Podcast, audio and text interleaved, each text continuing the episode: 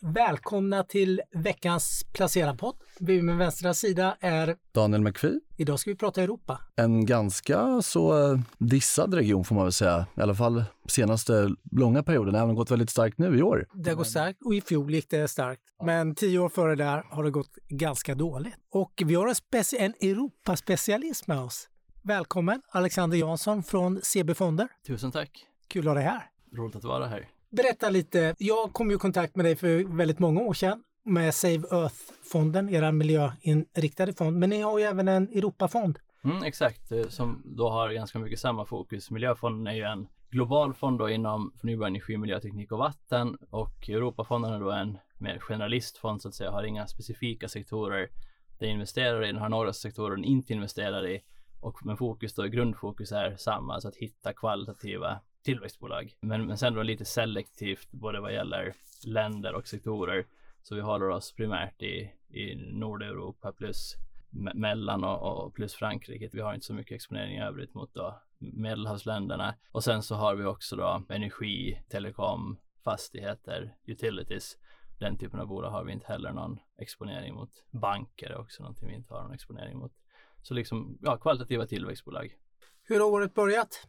Det har ju börjat bra, åtminstone i, i, i, i så att säga eh, jämfört med fjolåret då, i stark kontrast. Det började väldigt dåligt och i år har det börjat relativt bra så fonden är väl upp en, en 10-11 procent i, i kronor, vilket ju är en mer än årsavkastning då på, på ett kvartal. Så det är ju väldigt starkt. Men som sagt, fjolåret var, var tufft så det var, man får också se det i, i skenet av det, att det, det liksom har varit en stark rekyl eh, upp från, från fjolåret.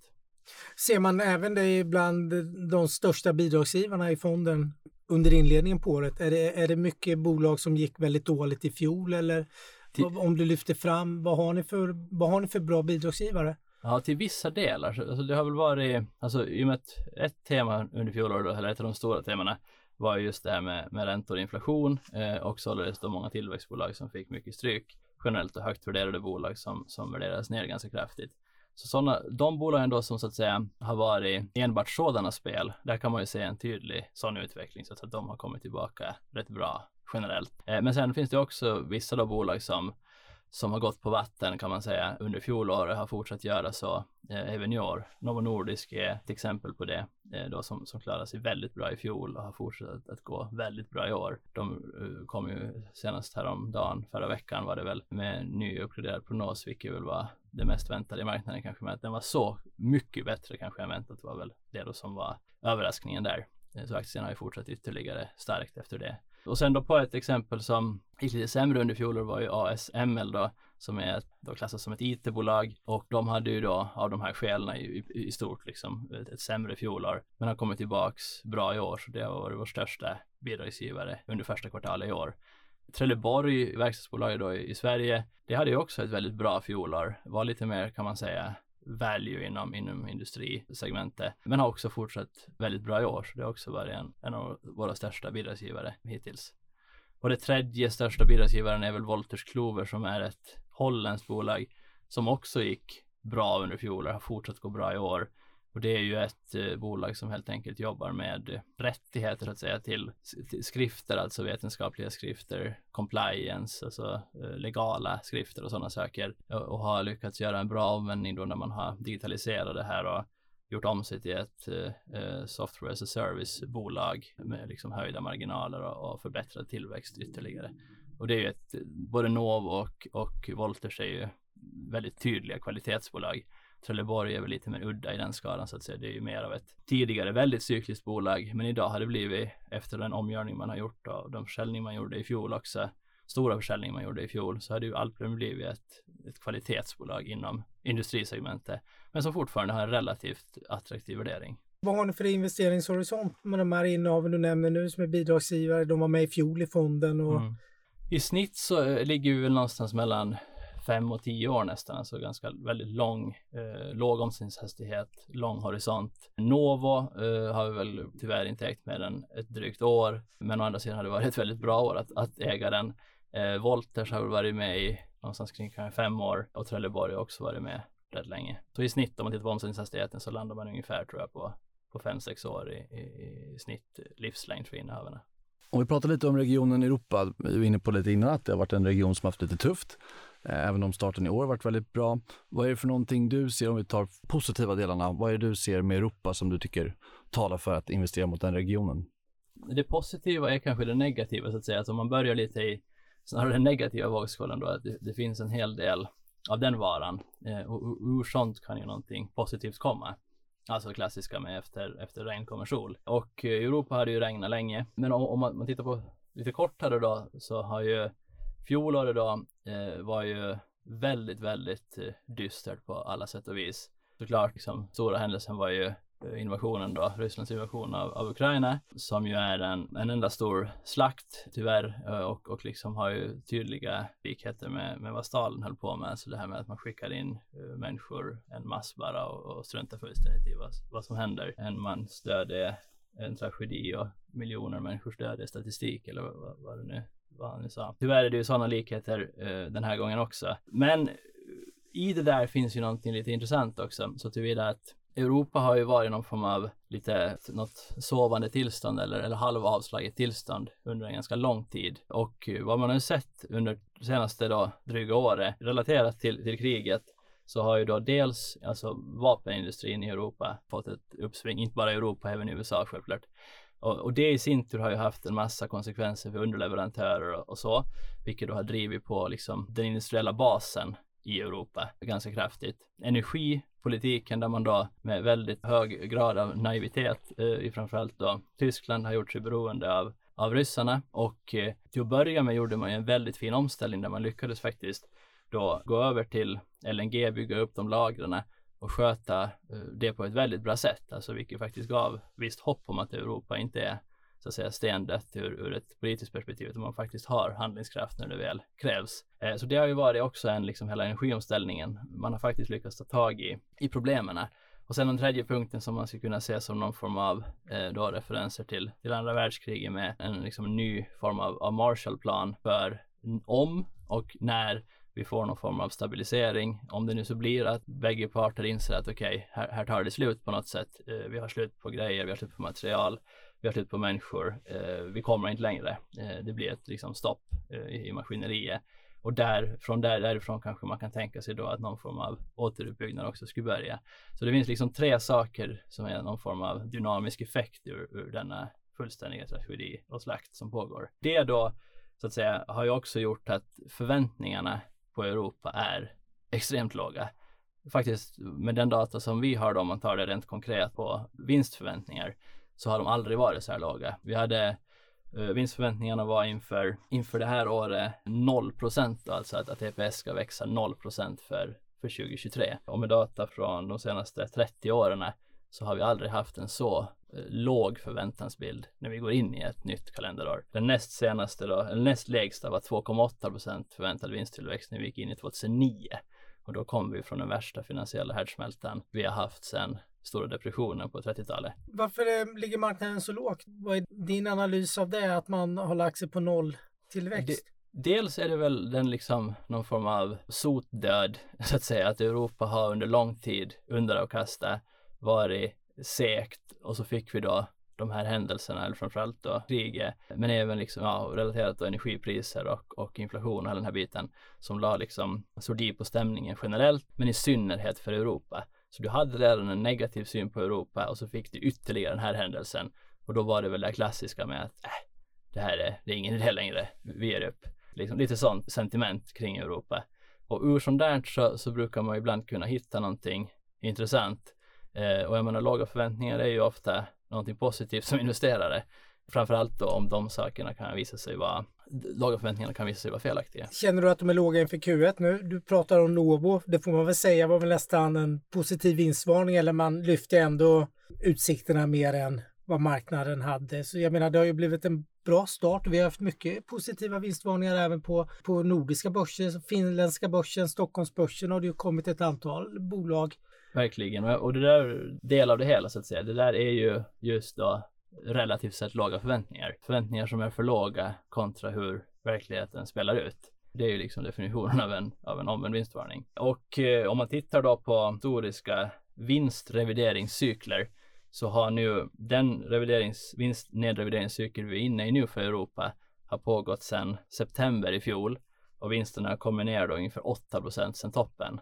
Eh, om man jämför då med historiska snittet så brukar en sån cykel pågå i ungefär åtta månader och vinsterna brukar falla i snitt 12 procent. Så det skulle betyda då att ungefär i maj borde vinsterna bottna då givet det historiska snittet, alltså att en vinst nedrevideringscykel pågår i åtta månader.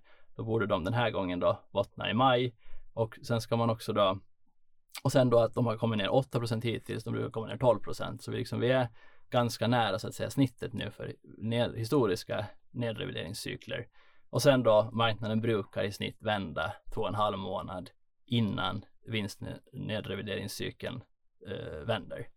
Och då betyder det att vi är någonstans då, om, om, om det skulle vända då enligt historiska snittet i maj i år, ja, då skulle det betyda att marknaden skulle vända någonstans, ha vänt någonstans då i, i, i februari, mars. Ja, vi är inne i vändningen nu eller på. Exakt, och där mm. var ju vändningen var ju redan i, i slutet av mm. oktober var det väl va, i, i fjol. Den, den då, an, andra botten var väl efter då den här Silicon Valley och, den biten. Och det var väl någonstans där i februari, mars. Nu ska man ju inte överdriva det här och tro att det är någon exakt vetenskap, men, men bara liksom en liten känsla av hur de, de, liksom, de här stora storheterna ser ut. Eh, finns det stor uppsida nu menar du i europeiska bolag om det kommer vinstrevideringar istället? Du säger att det har bottnat ur, vi får se vinstrevideringar. Får det lönsamheten att öka mycket och vinsttillväxten och så?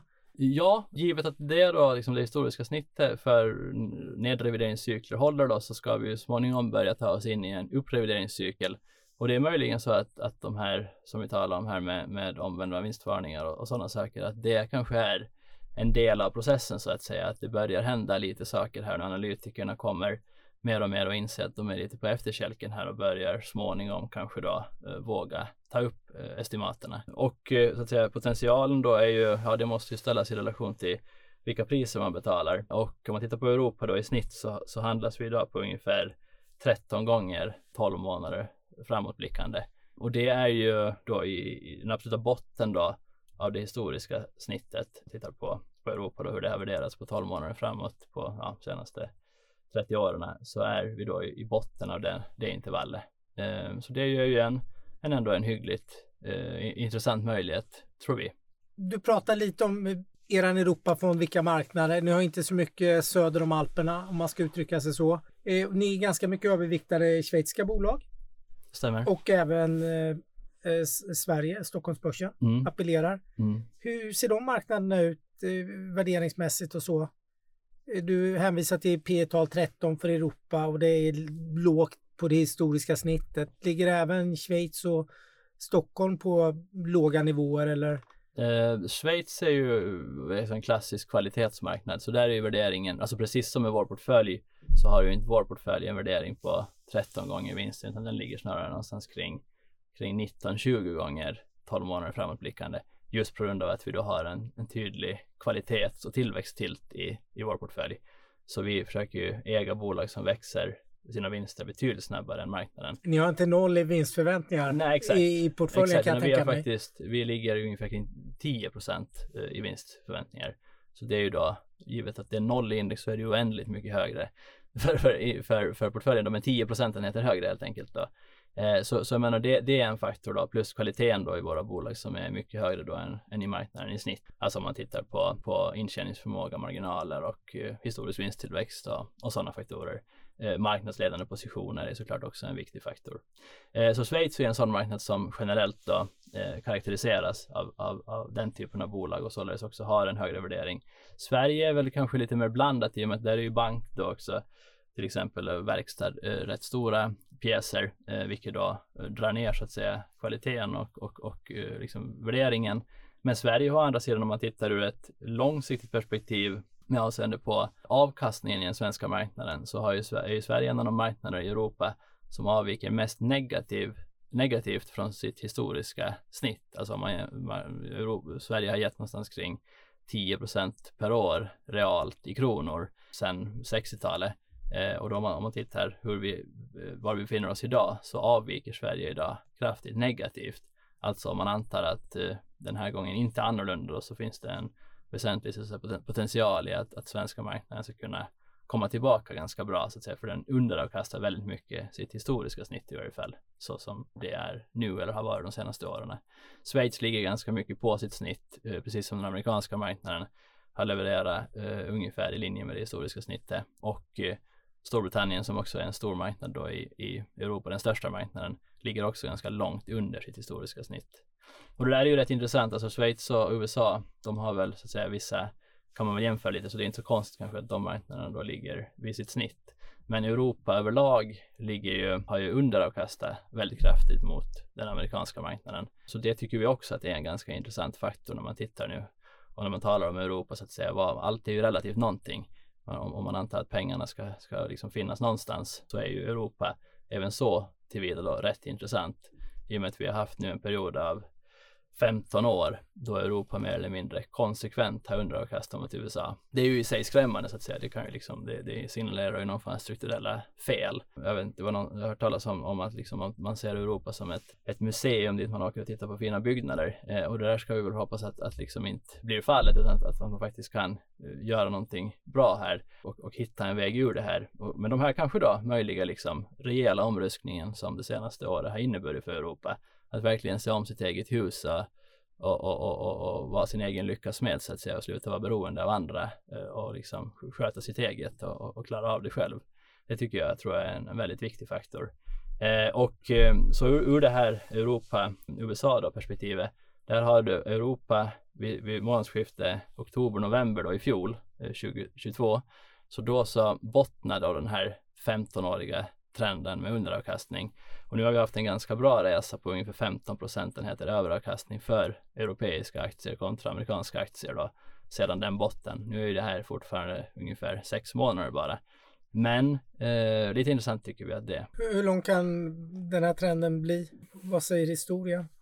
Om man tittar på, på ett historiskt, eh, så att säga, vi har då data från, från 1969 på, på de här sakerna och eh, då har de här trenderna gett någonstans mellan, mellan 80 och 100 procentenheter överavkastning och nu har vi då fått 15 procentenheter. Så så tillvida kan det ju finnas en hel del potential kvar om historien är en, en guide.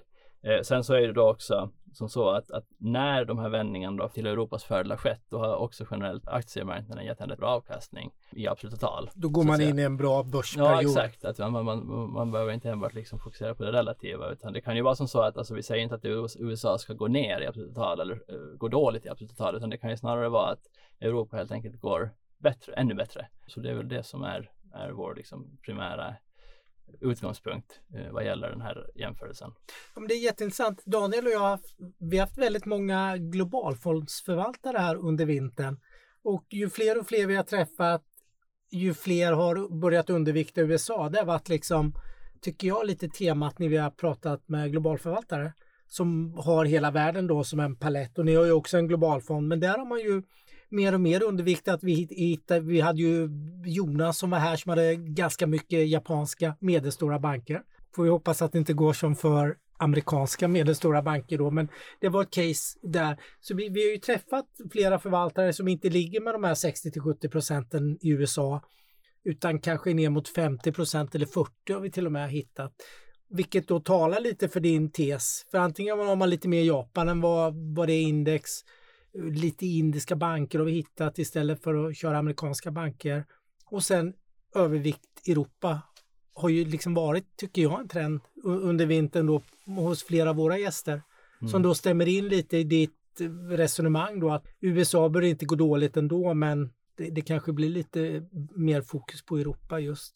Och det där har ju visst stöd i om man ser på värderingen också mellan, mellan Europa och USA så, så historiskt då har, har ju alltid Europa handlas till en, en rabatt eh, relativt till USA. Så man har handlat Europa till ungefär 0,87 gånger då värderingen för USA. Så dryga 10 rabatt då på, på P-talet. Eh, och nu har vi då, nu ligger vi ungefär kring, kring 0,77. Så då jämfört med 0,87 då som är det historiska snittet. Och 0,77 det är också nästan där vi befann oss efter finanskrisen. Då var det väl nere på, på nästan 0,7. Eh, men det är liksom, det säger också en del om att vi verkligen är i de lägre delarna av värderingsintervallerna. Både absolut då som vi talade om, talade om tidigare, 12,5-13 gånger, eh, men också då relativt i USA så är värderingen rätt attraktiv. Så det kan ju även vara så att säga sådana saker som, som påverkar, alltså rent fundamentala faktorer. Och sen också då en sista sak som är väldigt viktig och där man det kanske är, det är lite svårt att veta så att säga vad som är hönan och vad som är ägget.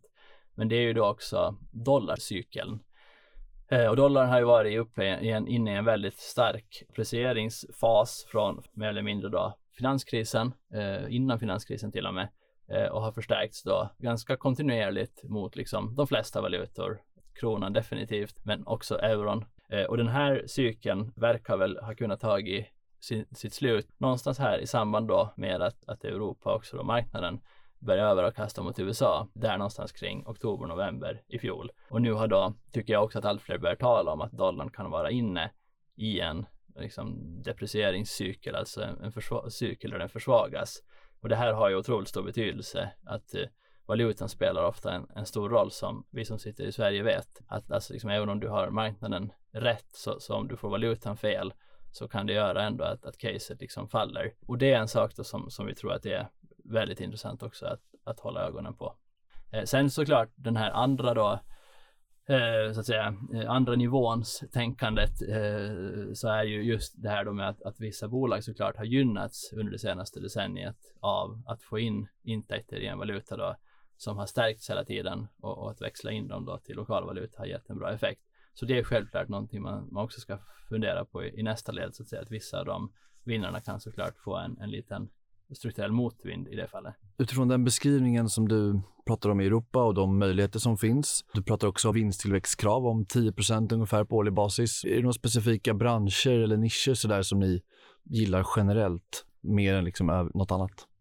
Eh, alltså industribolag har ju blivit en sektor som vi i båda fonderna har rätt mycket övervikt mot och det är ju då så att säga det är ju då inte liksom value industri utan det är ju mer industri då med med återkommande intäkter, eh, höga marginaler, stark marknadsposition och liknande. Så det är mer den typen av, av bolag då som liksom ganska oberoende av konjunkturcykeln kan, kan klara sig rätt bra och, och, och växa oberoende av så att säga vad det är för väder där ute.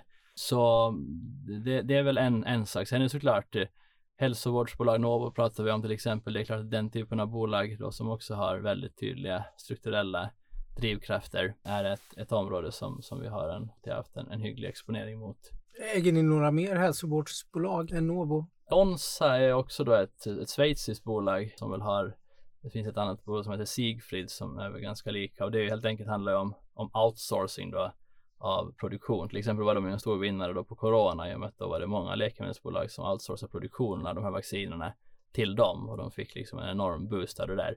Och det där ser vi mer och mer av att läkemedelsbolagen eh, outsourcar sin produktion eh, av till exempel vacciner då eh, till den här typen av aktörer och de är då marknadsledande inom det området. Så de har en väldig efterfrågan och hela tiden liksom får expandera sin, sin kapacitet. Du är inne på att ni äger bolagen 5 till 10 år. Det låter som en väldigt lång tid. Vad är det som får er att sälja ett innehav? Är det just vinsttillväxten eller någon strukturell trend som har funnit eller finns det någonting, har du några exempel på där ni har lämnat en bolag? Det är väl, det är väl just sådana faktorer som så att säga, det är ju inte jättelätt att liksom alltid luska ut vad som är så att säga trender i marknaden så att säga och vad som verkligen är fundamentala förändringar. Men eh, det är liksom att om, om, om någon liksom tydlig strukturell trend då avtar eller förändras på något sätt. Det är såklart en anledning. Det som sällan brukar vara en anledning är ju så att säga värderingen som sådan. Flertalet då bolag i portföljen som har det bästa exemplet i miljöfonden är alltid Nibe som all, alla alltid klagar på att det är så dyrt och det har vi haft i i 10 plus år. Det har alltid varit relativt dyrt eh, och, och det har fortsatt att fungera alldeles utmärkt. Så värderingen som sådan är, är väldigt svår att agera enbart på den. Eh, utan det är snarare då liksom om, om någonting annat händer, kommer in någon, någon ny aktör, någon form av distribution som sker i, i marknaden, ja, till exempel då på grund av nya aktörer, nya tekniker eller någonting sånt liksom som, som gör att, att bolagen tappar sin, sin position, sin marknadsledande position eller, eller så. Till exempel ett bolag som vi har, som jag kanske är ett exempel då, är väl Adidas som vi haft, eh, hade, hade tidigare. Där har ju då bolaget, alltså dels har hela sektorn drabbats av en del det börjar komma upp ganska, inte som svampar kanske ur jorden, men det börjar komma upp en del liksom nya aktörer och, och liksom hela det där segmentet har, förändrats lite samtidigt som de då har haft en hel del interna problem. Så det var ett bolag som, som vi har sålt och som, som då kanske då klassar in på det. det. Den aktien har väl inte heller blivit liksom jättebillig relativt då de problem som, som de har haft. Sen får vi se, alltså vi, vi, vi vet inte om, om marknaden är förändrad, men det har i alla fall den kombinationen av någon form av liksom generellt, Nike har inte heller liksom varit en det har ju då varit relaterat till konsumenten generellt liksom med vissa problem där men, men Nike har inte heller haft ett, ett helt rent exekverande. Adidas drabbas av samma saker. Kina har varit ett problem där sådana liksom typ av konflikter. Så, så där kan ju då vara ett exempel på liksom där vi väljer att ta ett steg tillbaka snarare än att eh, ja, det är väl det klassiska liksom om du är ett hål så sluta gräva. Att, att vi försöker att undvika att, att liksom tro att vi är så otroligt intelligenta att vi liksom bolag som hamnar i någon form av problem, externa eller interna så att säga, att vi liksom satsar ännu mera på dem utan vi försöker vara lite mer försiktiga i, i sådana situationer. Är det någonting specifikt som ni har köpt nyligen nu under det här året som tycker känns extra spännande? Ja, ett bolag som vi har i, i miljöfonden också som, som vi har tagit in i Europafonden, det är Schneider Electric som är ett, ett franskt ja, elbolag är fel att säga så att säga, men de är ett, ett bolag då som helt enkelt är en, en, en stor och viktig aktör, kanske den främsta aktören då inom hela liksom smart energi, elinfrastruktur och hela energiomställningen så är de en viktig faktor inom, om, om man talar till exempel byggnader då så är ju det ett område man har satsat ganska hårt på från från myndighetshåll och från EUs håll att försöka få ner energiförbrukningen i byggnader. Och eh, Schneider är ett bra exempel då på ett, den kanske främsta aktören inom det område som bidrar med sådana lösningar. Eh, så det tycker vi att är liksom strukturella faktorerna på plats och borde också historiskt exekvera på ett bra sätt. Ett annat exempel på det är ju Kingspan som är då isolering, alltså by, by, bygg, levererar till, till byggindustrin då isolering till hus primärt och också då liksom på det temat. Nu är ju som bekant i Sverige byggkonjunkturen inte på topp, snarare precis tvärtom. Men det där är ju inte heller ett, ett väldigt cykliskt bolag så tillvida att de är rätt duktiga på att hantera sådana faktorer. Men samtidigt finns den komponent, komponenterna som en bonus så att säga när sådana saker svänger om så, så kan det ofta bli rätt, rätt bra och, och det är också ett bolag då som vi har köpt in under, under det här året och eh, Sika är ett schweiziskt bolag som just också är inom just den här byggsvängen och just det här med liksom mer hållbara lösningar där, få ner energiförbrukning, eh, utsläpp och sådana saker. Så det Sika har vi haft länge, men Kingspan då är ett irländskt bolag som vi har plockat in i år. En grej som man kanske kunde nämna liksom rent generellt, det är väl det här också med så att säga vad som händer i i marknaden nu efter coronakriget, Kina, USA. Det är liksom rätt stora saker i rörelse. Där är väl en faktor också det här med att man ser att bolagen, alltså som då kan vara en, en efterfrågan, drivande faktor, att bolagen allt mer ser till att ha lokal sourcing på sina grejer. Att man bygger upp en verksamhet då i Kina som kan i princip vara självförsörjande. Man bygger upp en försörjning i Europa som kan vara självförsörjande och man gör detsamma i USA. Så att, att varje marknad klarar sig själv, inte oberoende av vad som händer, men nästan oberoende av vad som händer. Om man får sanktioner mot Kina av någon anledning, då kanske man kan sköta den verksamheten där ändå. Eller om man stänger ner, ja, som det var under corona och så vidare. Så det har dragits en del lärdomar såklart av de här ganska dramatiska åren vi har haft här i närtid. De kan vara lite intressanta också ur, ur liksom det efterfrågeperspektivet. Hur gör ni det spelet? Ja, vi har en kraftig övervikt mot industri som jag var inne på här tidigare. Så vi har ungefär 40 procent av fonden är industri mot ungefär 15 procent av index. Och som sagt, man ska minnas här att det liksom är inte deep value industri utan det är kvalitativ industri. Men Snyder är ett exempel så att säga. Det låter som eh, det ser ganska ljust ut för Europa. Äntligen. Äntligen. Ja, jag tycker att eh, vi sätter punkt för dagen och eh, Tack Alexander för dina lärdomar. Tack så hemskt mycket. Tack för att du kom hit. Tack. Tack.